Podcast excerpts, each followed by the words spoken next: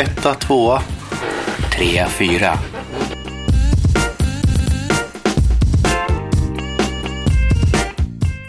Välkomna till den här månadens avsnitt av Det här är Uppsala. Eh, Den här sprillans nya podcasten är väl tänkt att eh, vi ska ta er med på en liten resa om de små sakerna i den här stan och lite av eh, våra egna intressen. Jag heter Fredrik Bergström. Jag heter Magnus Haag. Den här veckan så tror jag vi kommer ha ganska mycket kulturfokus verkar det bli. Mm. Jag tror att eh, det är något gemensamt intresse som du och jag har så att eh, det föll väl sig ganska naturligt att det skulle bli så. Absolut. Eh, Sen längre fram nu sätter ju alla sporter igång. Till exempel fotbollen kickar igång. Och Kickar. Mm, Ja. Eh, Sändningens första skämt. Eh, Så det är väl troligt att det blir lite sånt framöver. Eh, Men det blev kultur den här gången. Ja. Och eh, vad, vad hade du för tankar inför det? Mina tankar var att bör, kanske börja i, pudelns kärna. Jag har träffat eh, kulturnämndens ordförande Peter Gustafsson. Han blev också efter att vi träffades och pratade för några vecka sedan vald till eh, arbetarkommunens ordförande. Så han är nog också det högsta sossehönset i stan. Eh, vi pratar lite om kultur i allmänhet, kultur i Uppsala, hans visioner av eh, Uppsalas kulturliv. Eh, och du har träffat eh, ett gäng improvisationsskådisar. Ja, precis. Eh, faktum är att förra gången när vi hade ett, det sista mötet inför vad vi skulle göra så hade jag en idé att göra någonting komplett annat. Men sen så gick jag en sväng längs gågatan och då såg jag en jättestor banner som satt tvärs över, tvärs över gågatan och så stod det Swimp på den. Och det första jag tänkte var att det var ganska ett roligt namn. Sådär. Det ligger bra i munnen. Det ligger bra med Swimp. Swimp. eh, och sen så, så slog det mig lite grann. Men vad är det här Swimp då? Så ovanför det så står det Sweden International Improv Festival. Aha. Och jag är ett tokigt gammalt fan av det gick ett program förut som heter Whose Line Is It Anyway? Just det. Det känner du till. Eh, och jag bara älskar det här, det här sättet som man i, i stunden får fram någonting som absolut tidigare inte har existerat. Jag tycker det är väldigt intressant och just så här, det, där, det svåra i att komma på någonting när man bara står där och måste liksom framföra någonting på en gång. Just det. För det kan liksom bli hur mycket pannkaka som helst och det kan bli hur roligt som helst. Min fördom om improvisationsteater är att det är väldigt kul att spela, inte lika kul att titta på. Ja, jag kan, både ja och nej. Eh, jag, jag kan säga lite grann att för jag var ju på jag var ju på en, en av de här kvällarna på, på festivalen. Och eh, man märker liksom hur kul de här de som, de som framför har. De har verkligen jätteroligt på scenen. Så det smittar av sig. Det smittar av sig. Eh, men sen så märker man lite också det, det jag sa här tidigare. Att man, man märker lite att okej nu har vi kommit till en punkt här när vi måste, vi måste gå vidare i det här. Och så, och så tänker, kan det hända att liksom, de övertänker lite grann. Och, och sådär. Så det, det, det är ju några awkward moments som dyker upp. Men i stort så var det väldigt intressant. Ja. Eh, just den här kvällen som jag var på så, så eh, var det väldigt mycket science fiction. Till Okej. exempel. Mm. Och de hade valt liksom tema för sina improvisations... Eh, vad ska man säga? Korta föreställningar. Mm. Liksom. De fick ungefär en halvtimme styck. Och de, de fyller de här halvtimmarna verkligen väl. Så de, de som var med var verkligen grymma på, Ja. på att göra de här sakerna. En sak som är bra tycker jag med improvisationsteater det är att det tar bort den här elefanten i rummet som finns i all annan teater. Att skådisarna och publiken vet att det är på låtsas och vi vet att de andra vet att det är på låtsas. Men ändå så ska vi låtsas som att det inte är det. Mm, precis. Och det, jag tycker det är fruktansvärt jobbigt med teater. Men i improvisationsteater så slipper man ju det. Jo, precis. Och, och, och det, jag, det jag gillar också är att de- de måste alltid hitta, eh, hitta någon form av verktyg och liksom framföra det här. Att står man och håller i, vad vet jag, säg att man håller i en fågel. Då måste man liksom på ett sätt förklara vad det är för typ av fågel man står och håller i för Ja. att publiken ska liksom fatta det här. För gör de inte det så det är då det blir pannkaka av det hela. Ja, det. Sådär. Så det, det var väldigt intressant för jag har inte sett den här typen av improvisationsteater förut. Nej. Så. Ja, det ska bli spännande att höra eh, vad de har att säga. Mm. Ja. Och sen så eh, ska det bli intressant att höra din också. Ja, eh, vi börjar med att lyssna på Peter Gustafsson. Eh, Vi har ju, eftersom vi är helt nya så har vi ännu inte hunnit skaffa de allra bästa mikrofonerna och de allra bästa ljudnördprylarna. Men eh, jag tror att det är fullt lyssningsbart i alla fall. Eh, det här spelades då in för lite drygt en vecka sedan och Peter höll på att fixa Kent-biljetter samtidigt som vi pratade med varandra. Fick han tag i några? Det fick han. Ja. Det, det kommer att avslöja sig under intervjun. Schysst. Ja.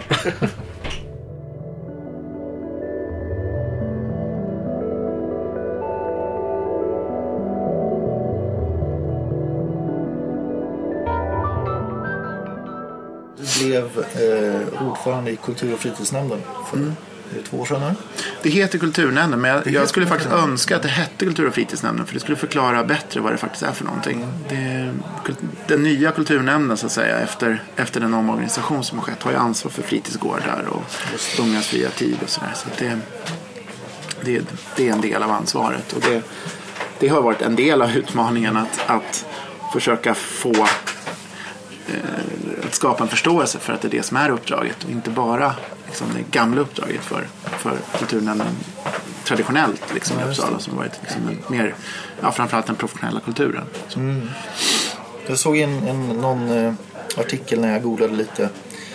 Inför att du skulle bli vald så skrev du att du brann framförallt för barn och ungdomars kulturutövande. Och det ligger väl i linje då med den nya uppgiften. Kanske enklare att, att påverka det området. Hur tycker du att, att det har gått hittills? Hittills tycker jag att det har gått bra. Vi, vi håller på att jobba för fullt med att mm, liksom, sjösätta satsningar kring kulturskola. Vi har påbörjat några, några eh, pilotprojekt än så länge. Det är nya beslut på gång. Eh, vi har jobbat med och jag var så sent som i nu i veckan i Gränby och pratade lite grann om hur, hur man kan få till stånd ett nytt kulturcentrum där. Just det, ett sånt som finns i Sävja och i Sten. Sävja, Stenhagen, Gottsunda. Ehm, Och då kan man inte låta bli att märka då när man nämner de här områdena att det är sådana som traditionellt kanske beskrivs som områden med en stor grad av utanförskap. Och det är förstås medvetet att Absolut. satsa på de områdena. Absolut. Områden där deltagandet i eh, kulturlivet är lågt. Och där behoven av liksom, insatser på fritiden är stora. Absolut. Ehm, nej, alltså det, det, det jobbar vi med. Ehm,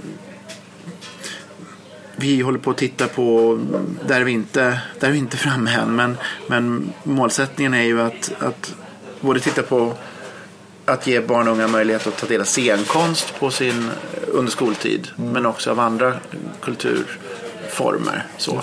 Ehm, och koppla det till någon form av kulturell allemansrätt eller kulturgaranti. Ehm, för att liksom väcka intresse tidigt. För, alltså både att uppleva och att utöva kultur. Ehm, vad tror du att det finns för vinster med att exponera barn och ungdomar och människor i allmänhet för kultur? Alltså, kan, kan man prata om rent så, pragmatiskt? Blir det mätbart?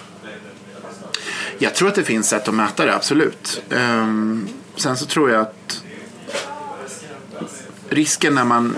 Eller så här, jag tror att det är bra att försöka mäta vissa saker. Eh, det finns också en fara med att mäta därför att man glömmer bort det som är eh, omätbart. Alltså det som inte går att mäta försvinner lätt i kalkylerna. Så. Men, men eh, jag skulle säga att det är ett demokratiarbete.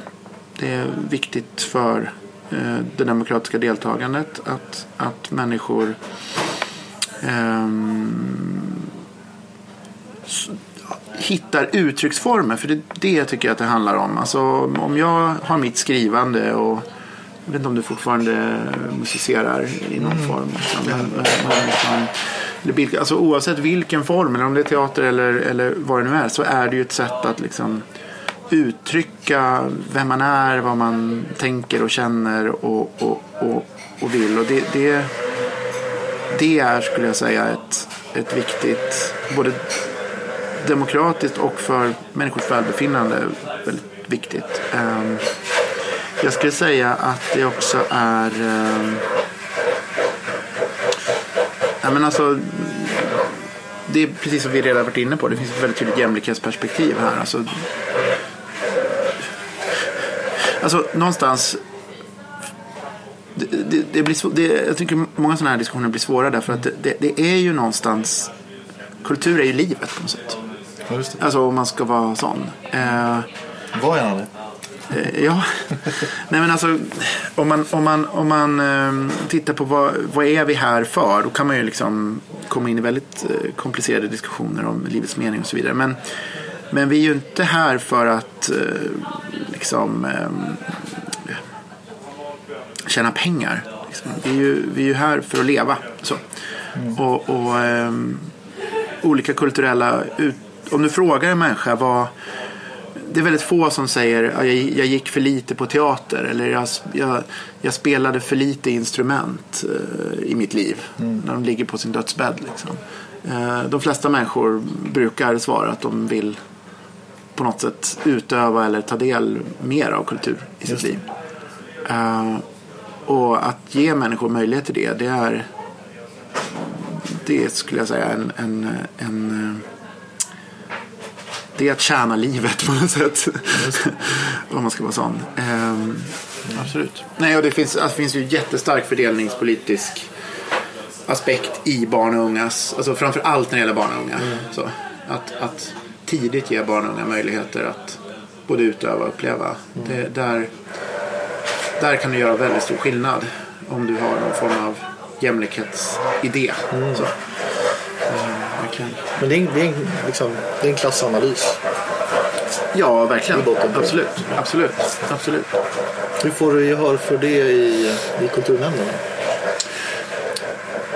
Alltså, om man tar de här exemplen med de här första tre kulturcentrumen så var ju faktiskt de byggda under borgerlig majoritet. Just det. Ehm, sen ska man också vara ärlig att det var inte alla borgerliga partier som var lika pådrivande för dem. Och socialdemokratin drev det absolut på för dem. Men, men jag skulle säga att det finns, alltså när man börjar prata om det och, och, och resonera kring det. Det finns ju också en stark, eh, alltså ganska enkel analys att låter du unga människor skapa så håller dem borta från gatan så att säga. Alltså, så, den aspekten är ju liksom den brottsförebyggande och, och också liksom på andra sätt förebyggande aspekten. Att om du får möjlighet att skapa, om du eh, tidigt börjar med olika kulturella utövanden så är det mycket troligare att du kanske läser vidare eller att du ehm, får ja, att du kommer in i goda cirklar någonstans liksom, Ja,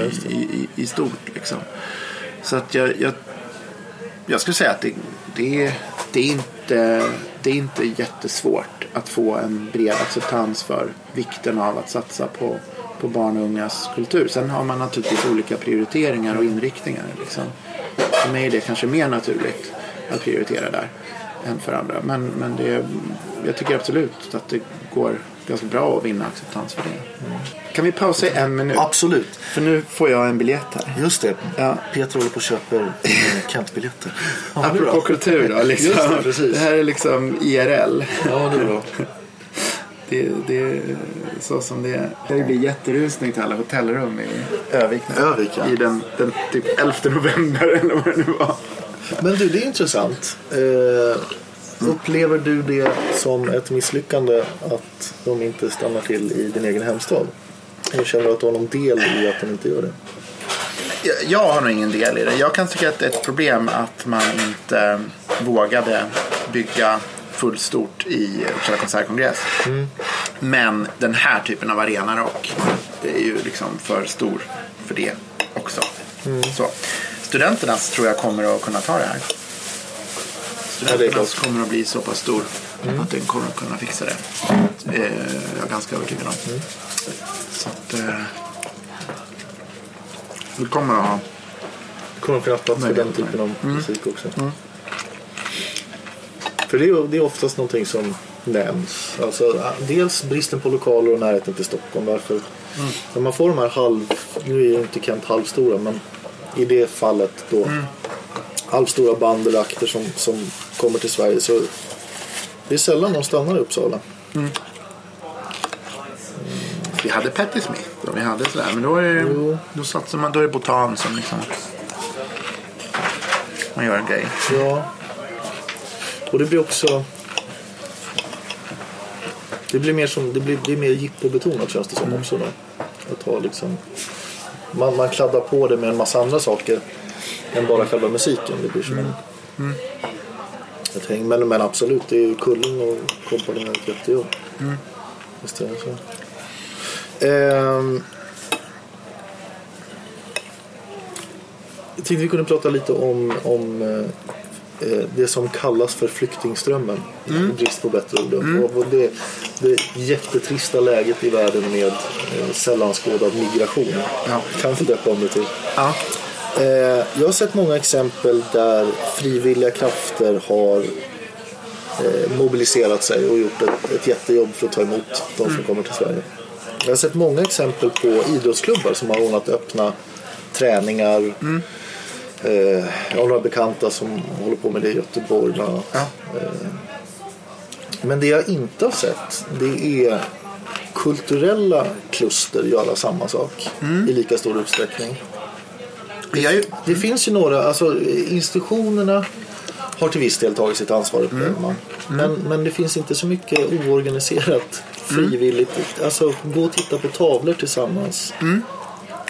Sådär. Vad, vad, vad tror du det beror på och kan man göra någonting åt det? vi har ju faktiskt gjort det att vi fattar ett beslut nu om att vi avsätter 400 000 ur årets budget för projekt som är riktat specifikt till asylsökande. Från början så tänkte vi boende och sen vidgade vi det lite. Eftersom rätt många bor i alltså EBO så att säga, de bor hemma hos folk. Ehm, och det kom in jättemånga ansökningar. Och vi beviljade dem för eh, något, eh, några veckor sedan. Så, så fattade vi beslutet. Så det, det kommer bli olika typer av projekt som, som kulturskapare i Uppsala kommer att göra. Eh, projekt i många fall tillsammans med eh, asylsökande. Just det. Ehm, som, så att, så att det, det har vi faktiskt börjat med. Vi hade den första ansökningen som kom nu under våren och kommer ha en ny eh, i höst.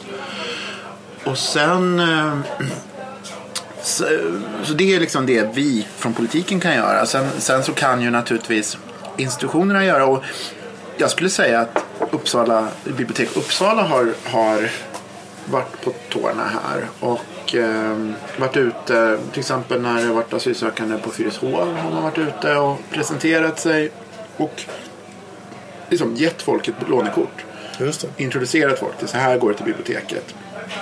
Och där är ju framförallt två saker, eller tre saker som folk söker efter, asylsökande söker efter på ett bibliotek. Dels är det böcker på modersmålet. Dels är det böcker på lättläst svenska. Och dels är det datorer för kontakten med hemlandet. Så att säga. Så att, och det ser vi, det är ganska tydligt. Det kommer många fler till biblioteken nu. Eh, sen har vi ju fritidsverksamheten och där finns ju ett väldigt stort Fritidsgårdarna har ju sett ett ökat tryck nu och det är ju de ensamkommande framförallt. Eh, som det funkar i Uppsala så är det, så är det många eh, ensamkommande som går till Röda Korset på dagen. Deras eh, träffpunkt på Trädgårdsgatan. Sen går man vidare till Grand genomfarten. Ehm, och där ser vi att där, har där, där finns behov av ökad bemanning. Så att, så har vi förstärkt bemanningen och, och, och försöker få loss mer medel från, för, från kommunstyrelsen för att kunna ha det också i höst. Så. Ehm, och också vi ser att en del av förortsgårdarna har också fått ökad, eh, ökat tryck. Just. Eh, de, ens, ja, de ensamkommande, i och med att de inte har en familj, Nej. så är de ju i väldigt stort behov. Det var, det var så, Grand hölls öppet under eh, jul och nyår nu. För ensamkommande. Eh, ja, för alla, men, men framförallt för den gruppen. Eh, just för att vi såg det här behovet komma. Eh, Men om man ska gå tillbaka till kultur och kulturutövare och så. Så, så jag tror ju att man kan göra så mycket mer, precis som du säger. Liksom, att, att öppna upp verksamheter. Och det här anslaget som vi införde var ju någon sorts försök att så, från politiskt håll uppmuntra den typen av tankar. Sen kom det in många ansökningar och det var ju ja, det kom in många fler ansökningar än vad vi kunde bevilja. Så förhoppningsvis så kanske någon kan ha fått någon idé som man kan hitta medel för på något annat sätt. Ja, just inte. Eh, Vi delade ut eh, till eh, sju, sju aktörer. Jag fick ja, mellan 20 och 50 000 var att göra olika riktade insatser.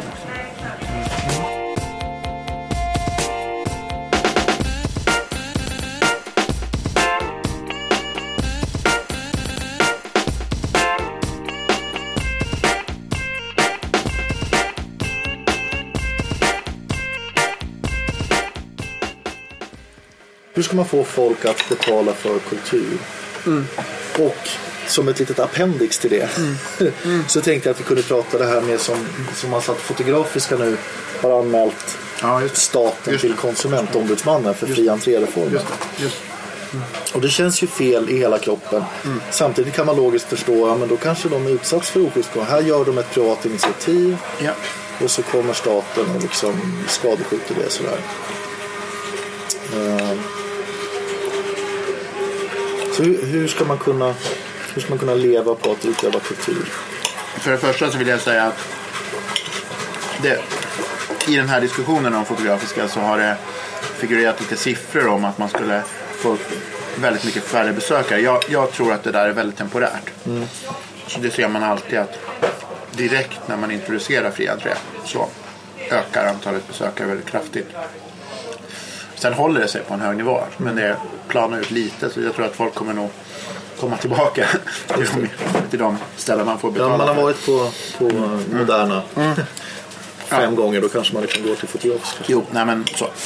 Sen är det ju inte um, givet att all verksamhet på, det är väl framförallt, nu kan inte jag den statliga museireformen så pass mycket men jag tror att det också handlar om framförallt de permanenta utställningarna.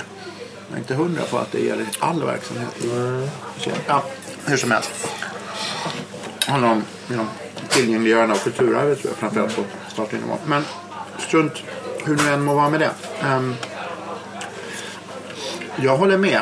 Jag, jag var faktiskt igår kväll på, på ehm, och såg på Köttinspektionen på, på en pjäs där. Som hade ganska få besökare. Um, trots att det var en helt fantastisk pjäs som verkligen borde ses av väldigt många fler. Eh, nu var det tydligen att det var just fredagskvällar hade varit särskilt svårt och så. Men det där fick mig att fundera över för då, då sa flera, flera reflekterade över att ja, Stadsteatern kommer, går folk till och där är det kö och där, där är det svårt att få plats och svårt att boka biljetter och sådär. Men en mindre institution som Köttinspektionen hittar folk inte till i samma utsträckning. Ehm, och där är ju frågan, för mig som politisk beslutsfattare blir frågan vad kan, vad kan kommunen göra? Kan kommunen på något sätt bidra och hjälpa till att synliggöra de aktörer vi ändå ger stöd? Ja, så, just det. För så är det ju i det här fallet. Får en hel del stöd. Ehm, och det tror jag också är en sån här, alltså både en jämlikhetsfråga och en, en fråga om ett, på något sätt ett vettigt användande av skattemedel. Alltså, eh, jag tycker Uppsalaborna har rätt att veta vad de pengar, vad de skattepengar som går till kultur faktiskt går till. Och få möjlighet att ta del av dem. Eh, det, det är på något sätt, jag tycker, jag tycker det känns som skyldighet att så vitt och brett berätta om den verksamhet som vi ger stöd till. Så det där håller vi att titta på. Hur kan, man, hur kan från kommunens sida hjälpa till i marknadsföringen av sånt som vi stödjer? Så. Eh, Men en större fråga, men det, där, men det du ställer är en större fråga just specifikt vad kommunen kan göra. Det är rent allmänt. Hur, hur får du människor att betala för kultur och hur, hur ska kulturarbetare kunna leva på sitt arbete? Liksom. Eh, Då är det en självklarhet att man ska kunna göra det. För att jag menar historiskt så har det ju har det funnits en struktur med liksom mecenater och den typen av grejer som kanske inte finns i lika stor utsträckning. Men sen en synsättsfråga också. Det, det, det, det är aldrig kontroversiellt att människor ska betala för att ta in en datakonsult. Ja. Men om någon ska gå in och göra en, en ja, ja, grafisk formgivning kan man nog tänka sig att betala för också. Men, men om det ska vara konst, Ja, eh, då blir det plötsligt problematiskt. Och, eh, ja, musiker de kan väl spela mot att de får får en öl. Eller, alltså, Det finns många sådana synsätt som behöver... Ja, det, är, det är kul att få, kul att få vara med. Liksom. Ja, precis. Men du, kan, ju- du får ju möjlighet att marknadsföra det. Alltså just den typen av synsätt är tyvärr fortfarande ganska vanliga. Och det, jag tror det måste brytas. Det, det kan ju... Och där kan ju politiken göra sitt. Politik, framförallt kan ju politiken se till att faktiskt betala när vi tar när vi använder oss av konstnärer och, och kulturarbetare. Att Att, vi, att vi betalar, ja precis.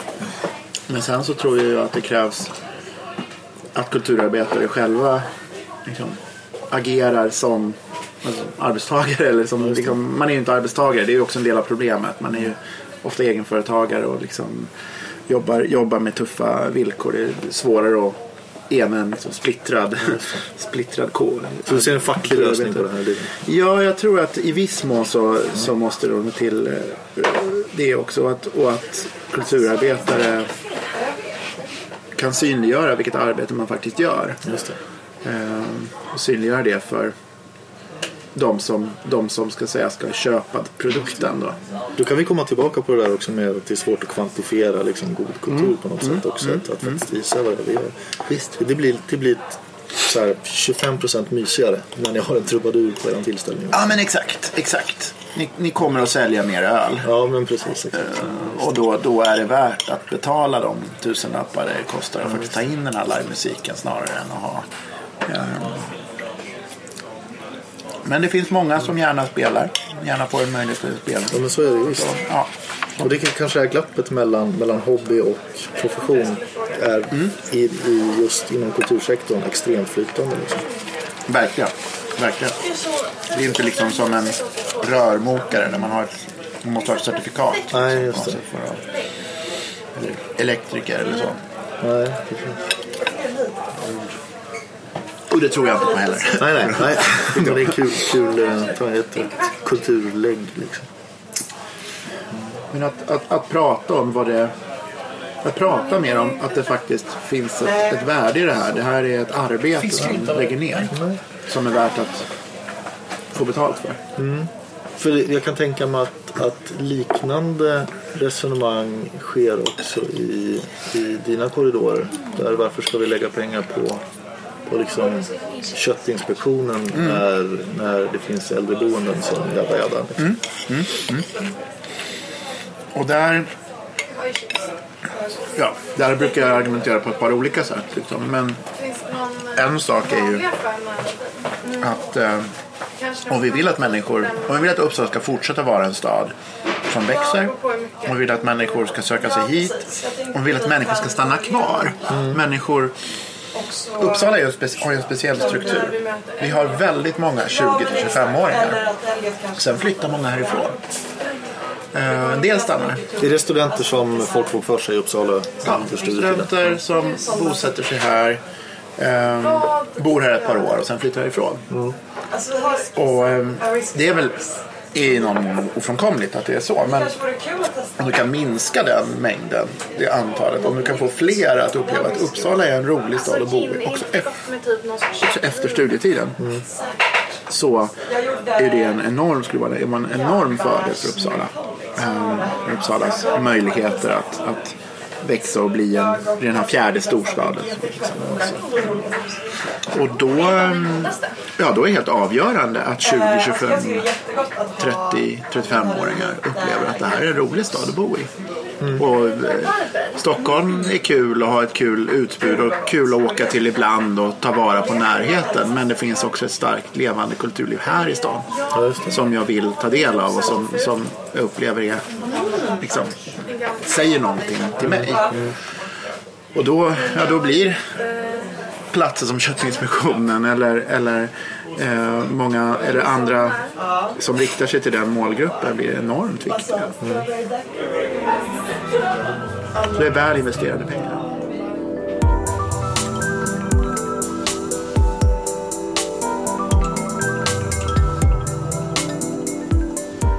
Det var eh, intressant att prata med Peter Gustafsson och vi kunde nog hållit på ett, ett tag till. Eh, bland annat så skulle jag vilja prata lite mer om eh, visioner om Uppsala och framtiden. Titta lite, lite längre framåt och sådär. Det är det där som, som du och jag har pratat om också tidigare Fredrik. Det här med att Uppsala kan bättre. Oj, ja. Eh, och, det, och det höll han väl med om också. Eh, och det är kul att, att han har sådana. Jag, ty- jag tycker lite så här att man har alltid velat, man är fortfarande kvar de här tonårsdrömmarna om att det ska finnas en jättestor spellokal och Mm. liksom värsta, värsta bästa grejen för, för alltså kulturevenemang för ungdomar till Just exempel. Mm. Och det är ju någonting som man fortfarande så här, va- varför händer ingenting? Nej, nej. Liksom? Det är ju den stående frågan. Varför händer ingenting? Ja, precis. Och det, är, jag menar, det där är liksom en sån fråga som jag ser ju på mina ungdomar i skolan till exempel. Att det finns så sjukt mycket talang där ute. Mm. Och jag känner ibland att den talangen kanske läggs lite grann åt sidan och kanske till och med glöms bort. Ja. För att, för att det, liksom, det finns så få ställen att göra sin grej på. Mm. Kan jag tycka. Ja, ja visst. Det, nej, det, det ska bli spännande att- följa upp det här och se lite vad som händer. Eh, nu har det blivit dags att eh, bege oss till Regina-teatern va? Ja, eh, vi ska till Regina och eh, jag hade ett väldigt bra samtal. Eh, jag visste inte alls vad jag liksom skulle förvänta mig av, av eh, den här intervjun men det visade sig att det här är liksom människor som, som brinner väldigt hårt för det de, för det de gör. Det är ju Eh, alltid kul. Och just tjejerna i Teater Prego och killarna för den delen, de, de har ju verkligen den här så- man märker på dem att de, de är så himla entusiastiska inför det de, de håller på med. Att de tycker det här är så fruktansvärt roligt. Ehm, och att de verkligen brinner för att liksom presentera eh, det de håller på med till, till en, en ny publik. Mm. Liksom. Och så skapa en egen arena där det inte finns någon då. Ja, kanske. precis. Ja. Och just vad gäller, så nu finns ju Teater, Teater Prego som teatergrupp liksom, i, i vanliga fall och de, och de spelar lite överallt emellanåt. Men eh, Swimp är ju liksom det när de bjuder hit lite annorlunda grejer från, eh, från, från hela världen. Eller just i det här fallet så var det mest Europa. Men, men jag såg till exempel, den här kvällen var det, eh, vad var det? Jag tror det var i alla fall tre olika länder Mm. eh, på en kväll. Liksom som, som jag hade, hade framfört, eller fyra till och med. Eh, som liksom framförde olika typer av improvisation också. Ja. För man, man kan ju tänka att improvisation kan bli ganska ensidigt i och med att ja, ja, de improviserar grejer och sen så får man slut på idéer och så gör man samma sak en gång till. Men som de säger i intervjun här också att, att, eh, att det ofta liksom, det kommer alltid nya grejer och man kommer aldrig få se samma sak två gånger. Nej. Så, så vi tar och lyssnar på intervjun som jag gjorde med Linnea och Inana från Teater Prego.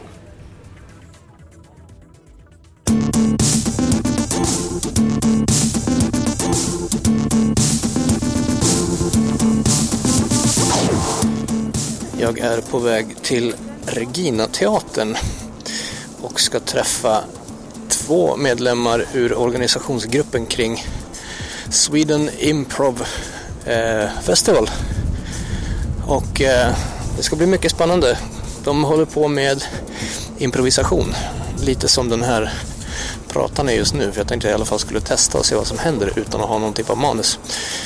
Eh, jag är en sån där person som trivs väldigt bra med att ha saker och ting i, en ruta runt omkring mig. Och eh, inte riktigt veta vad man ska göra kan ju liksom för vem som helst egentligen gör att man blir lite osäker kring saker och ting, inte vet hur man ska, inte vet hur man ska agera. Så eh, det ska bli väldigt intressant nu att höra vad, vad de har för svar på eh, vad, vad, hur man kan ta itu med sånt. Vad, hur de liksom agerar i, när man liksom till och med ställer det här på en scen. Så det får vi höra, se vad som händer. Om vi inte gör oss ett namn nu så blir det inte ett namn. Det här är liksom våran enda, eller inte, en- jag menar, det, annars så kommer det inte bli en årlig grej. Om vi inte får igång det här nu. Så att nästa år när vi kommer tillbaka så ska Uppsalaborna på en gång när de ser loggan vara så här, just det, Swimp! I år är det dags. Nej, jag visste inte heller att Swimp existerade. Inte förrän jag såg den stora bannern som satt tvärs över gågatan. Linnea Törnqvist och Inana Selenius, de är medlemmar i gruppen Teater Prego. Det är de som ordnar Swimp. Så vi tar det från början.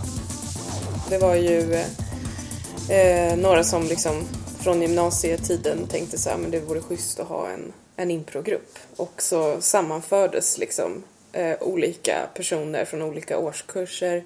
Vi gick ju alla på Bolander gymnasiet.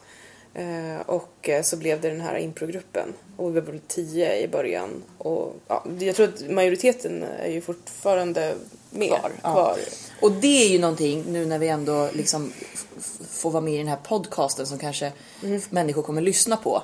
Att verkligen trycka på. Vi kommer faktiskt från Bolandsgymnasiet som de nu håller på att lägga ner. Och utan Ja. den Teaterlinjen, teaterlinjen så ja. hade vi inte funnits och utan det så hade Swimp inte funnits. Nej.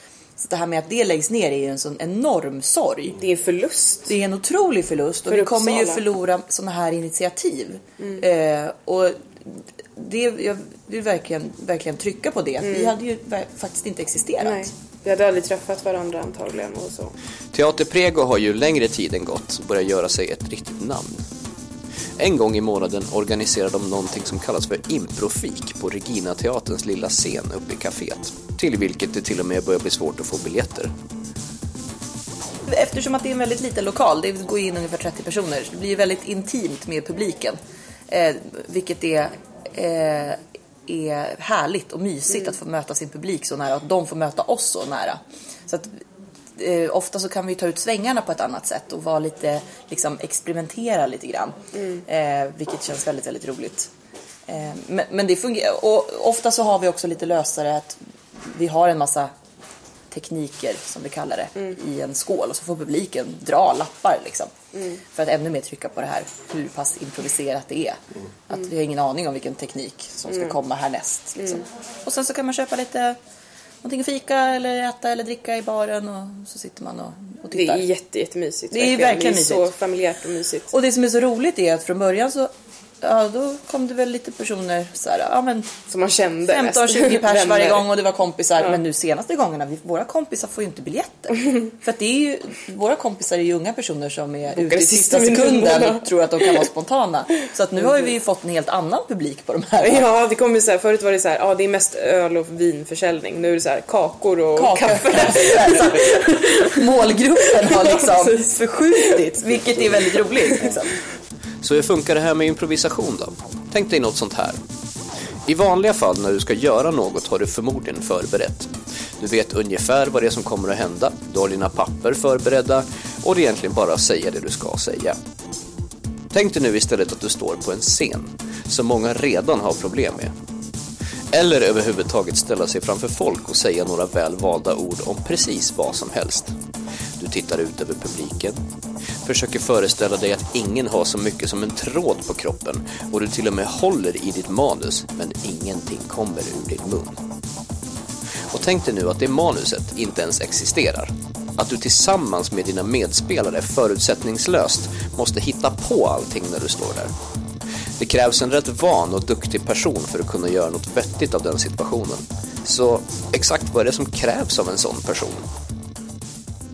Alltså det, den första och största regeln är ju yes and eller liksom att man bejakar, man säger ja till sina medspelare. Det är liksom det första man ska tänka Vad, på. vad, in, vad innebär det? Vad- Det innebär att så här, om, om vi ska göra en scen och du ger ett förslag, om du säger så här, eh, vill du räcka mig den här bullen? Och jag bara nej.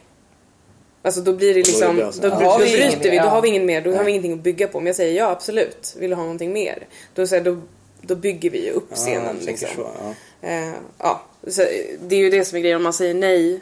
Man kan ju säga nej, men då kanske om man har ett skäl till att säga nej som är liksom som hjälper scenen.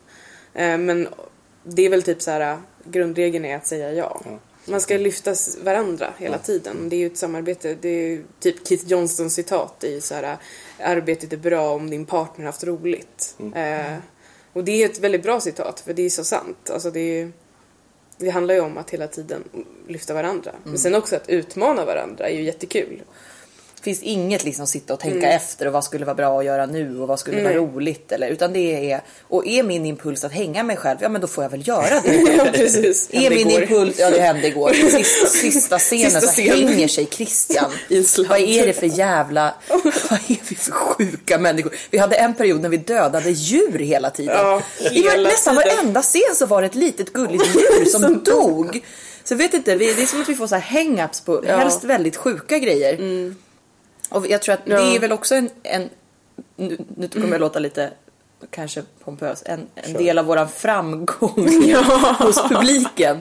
Att vi gör saker som inte överhuvudtaget förväntas. Mm. Utan att vi kan döda gulliga Men min, eh, De, de finns ju inte på riktigt. Nej, de finns inte på riktigt. Fast för oss så, ja men just där och då finns de ju i högsta Ja, grad på riktigt. Men, men att, att, att våga göra saker som man absolut inte får. Man får inte hänga sig själv på scen och det är roligt. Man får inte göra Precis. det när folk skrattar. Man får inte dränka kattungar på kul. Liksom. nej, men det gör Men vi. det gör vi. Och det tror jag, det tror jag att publiken kan Ja. tycka är rätt befriande. Ja. Att, eh, att liksom få se det. Publiken väljer ofta temat för scenen. I det här fallet har gruppen Project 2 tagit oss till planeten Pleasure Rings mitt ute i rymden och en av spelarna försöker nu få ut popcorn ur en motvillig godisautomat för att sen få den stulen av en örn. Improviserat förstås.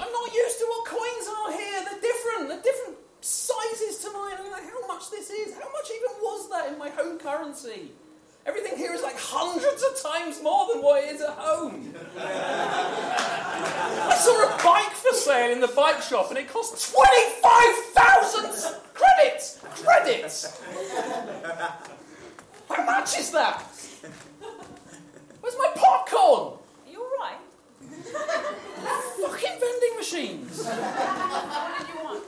I want some popcorn!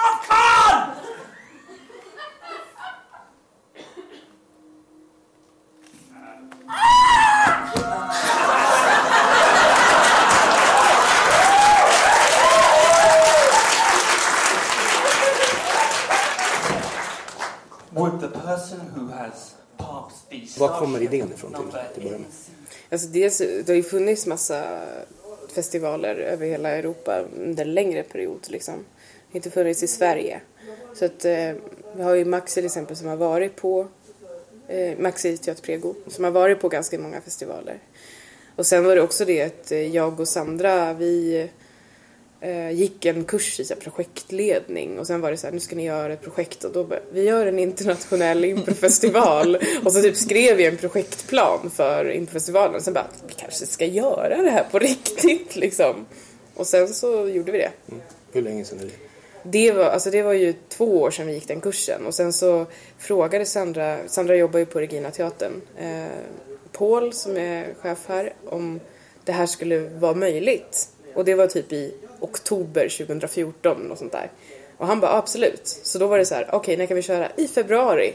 Så då var det oktober, november, december, januari, februari. Det hade vi fyra månader på oss att försöka sätta ihop den här infestivalen. Så det var liksom direkt ut med anmälningsformulär och massa sådana grejer. Så det var väldigt snabba puckar där första året. Ehm, men det gick. Det kom mycket. Alltså vi skickade ju ut i improvisationsforum, typ så här på Facebook bara. Ehm, Internationella. Ja, precis. Det finns ju så här grupper liksom. Och bara la ut det. Och det kom ganska mycket. Vi tänkte så här, kommer det ens bli någonting? Kommer folk anmäla sig?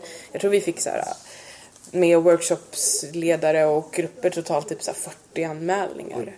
Så att det var verkligen så här mm, stort intresse. Eh, vilket var jättekul. Och som gjorde att vi kunde fortsätta ett år till. Liksom. Vad- När ni liksom gjorde outlinen för själva festivalen, hur kom ni på vilka delar som skulle ingå? För nu har ni till exempel både föreställningar och workshops. Men det kändes väl rätt naturligt. Alltså det är också kutym på andra festivaler Mm. Ja. att man har workshops. För att det handlar ju dels om ett utbyte av kontakter men det handlar ju också om ett utbyte av kunskap eh, som är jätte, jätteviktigt. Det var alltså att, att utvecklas och lära sig nya saker och dela med sig av sina kunskaper till varandra. Och det är därför det blir ett sånt häftigt forum.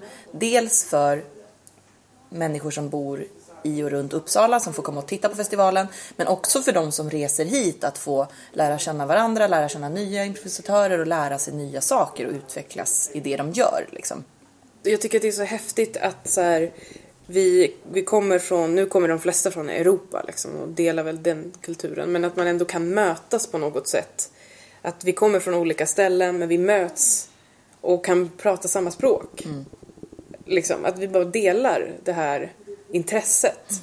Och alla är så himla passionerade med det här intresset. Och Så dels är det liksom för oss som är i festivalen att här, träffa de här och by- byta idéer och gå på workshops. Men sen för publiken också att så här, se det här komma till liv på scenen. Att eh, få se det här eh, fantastiska utbytet. Alltså publik är ju en del utav föreställningen. Det blir så himla bra stämning. Det var skitbra stämning igår. Ja, det var helt fantastiskt. Ja. Och jag tänker också att kunna få se så mycket olika typer av impro. Ja. Publiken som var här igår var det säkert ett par stycken som hade sett oss förut. Mm. Men det var ju tre andra grupper som körde helt, helt annan typ av improvisationsteater jämfört med vad vi gör. Mm.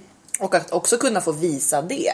Att det finns så, så många olika typer av Mm. impro.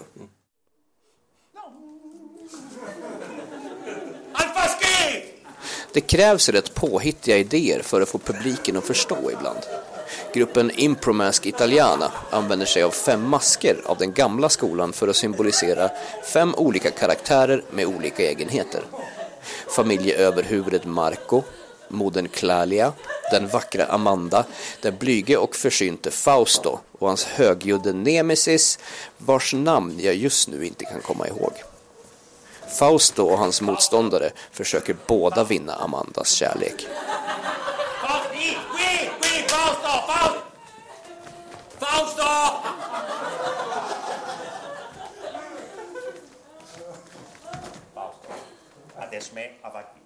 avanti. E da incontrare Amanda? I have to meet Amanda. Yes. e me la devi far conoscere! Tu devi far conoscere Amanda a me! I have to introduce Amanda to you. Eh, yes. Ok? Okay, you are my, Vai, vai, my bigger vai, vai! Vai, go, vai! Bye. Oh, vai.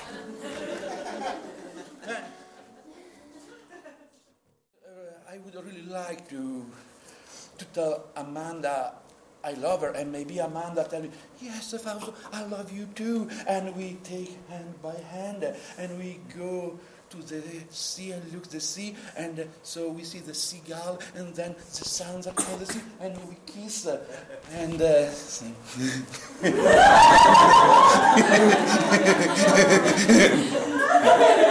Oh, my shopping is so. Oh, she's Clelia, our mother. oh, hello, Hi, dear. hi. Hi. Hello, dear. How are you? Yeah, yes, uh, fine. That.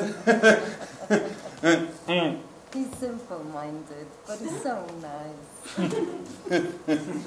dear, dear Fausto, Yeah. yeah.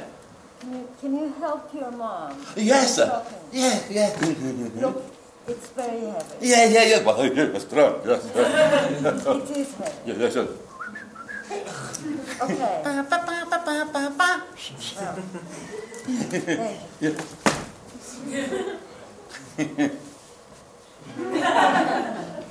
There are eggs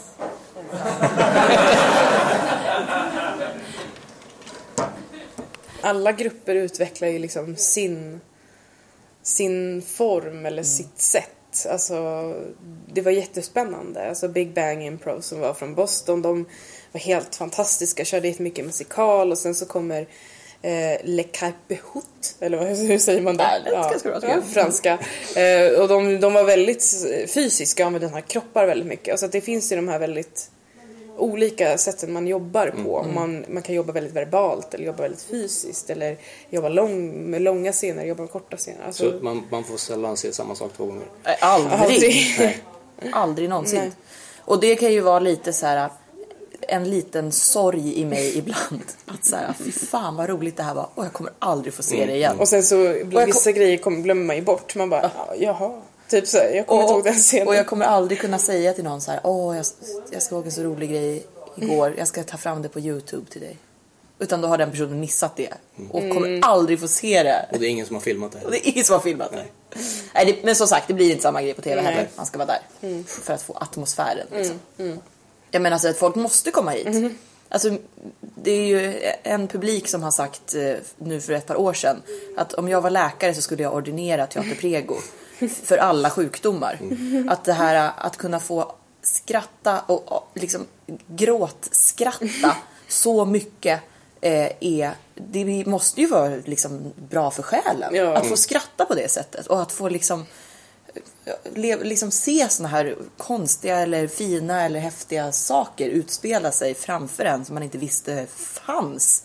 Det är ju bara helt, det är helt otroligt. Och sen också att så här, det är inte som att gå på en lång Shakespeare-pjäs utan du, du kan komma hit, man kan köpa någonting i baren, man kan sätta sig ner och man kan sitta och snacka med folk samtidigt. Alltså det är, det är en helt annan atmosfär än som en vanlig teater. Utan folk eh, kan, ibland publiken kan prata med de som är på scenen. Det finns inte den här eh, fjärde väggen, den existerar inte. Det är liksom inte vi och dem utan det är bara ett vi. Liksom. Och sen är det några som gör lite spontana Lite grejer på scenen. Om man, vill, eh, om man tyckte att det här lät skitkul, det som vi har pratat om här nu, vad, vad vänder man sig då? Man går in och likar Sweden Improv, International Improv Festival på Facebook. Och Teater Prego. Och Teater Prego. För där får man ju kontinuerliga eh, uppdateringar. Om man inte har Facebook så kan man ju gå in på hemsidan. swedenimprovfestival.com Ja. Ja. Sen så är det väl kanske inte, ja, vi ska väl försöka uppdatera så mycket som möjligt nu inför, redan nu inför nästa års festival så fort vi börjar med arbetet för den. Men eh, det här gör vi ju absolut om. Det här var inte sista gången. Nej, nej. Det känns absolut inte som om man kan släppa det här Nej, nu. nej, nej, nej. Det går inte. Ni håller kurser hörde Mm, Ja. Snart. Snart. Det blev lite mycket med festivalen. jag Det skulle ha dragit igång nu i vår. Men eh, Ja. förhoppningsvis så drar det igång eh, efter sommaren. Någon gång. Så kör vi improkurser. Något som också saknas i Uppsala. Vill ni veta mer om Teater Prego eller se foton och videos kring hur det här kan se ut? Ta en sväng över till hemsidan www.dethäräruppsala.se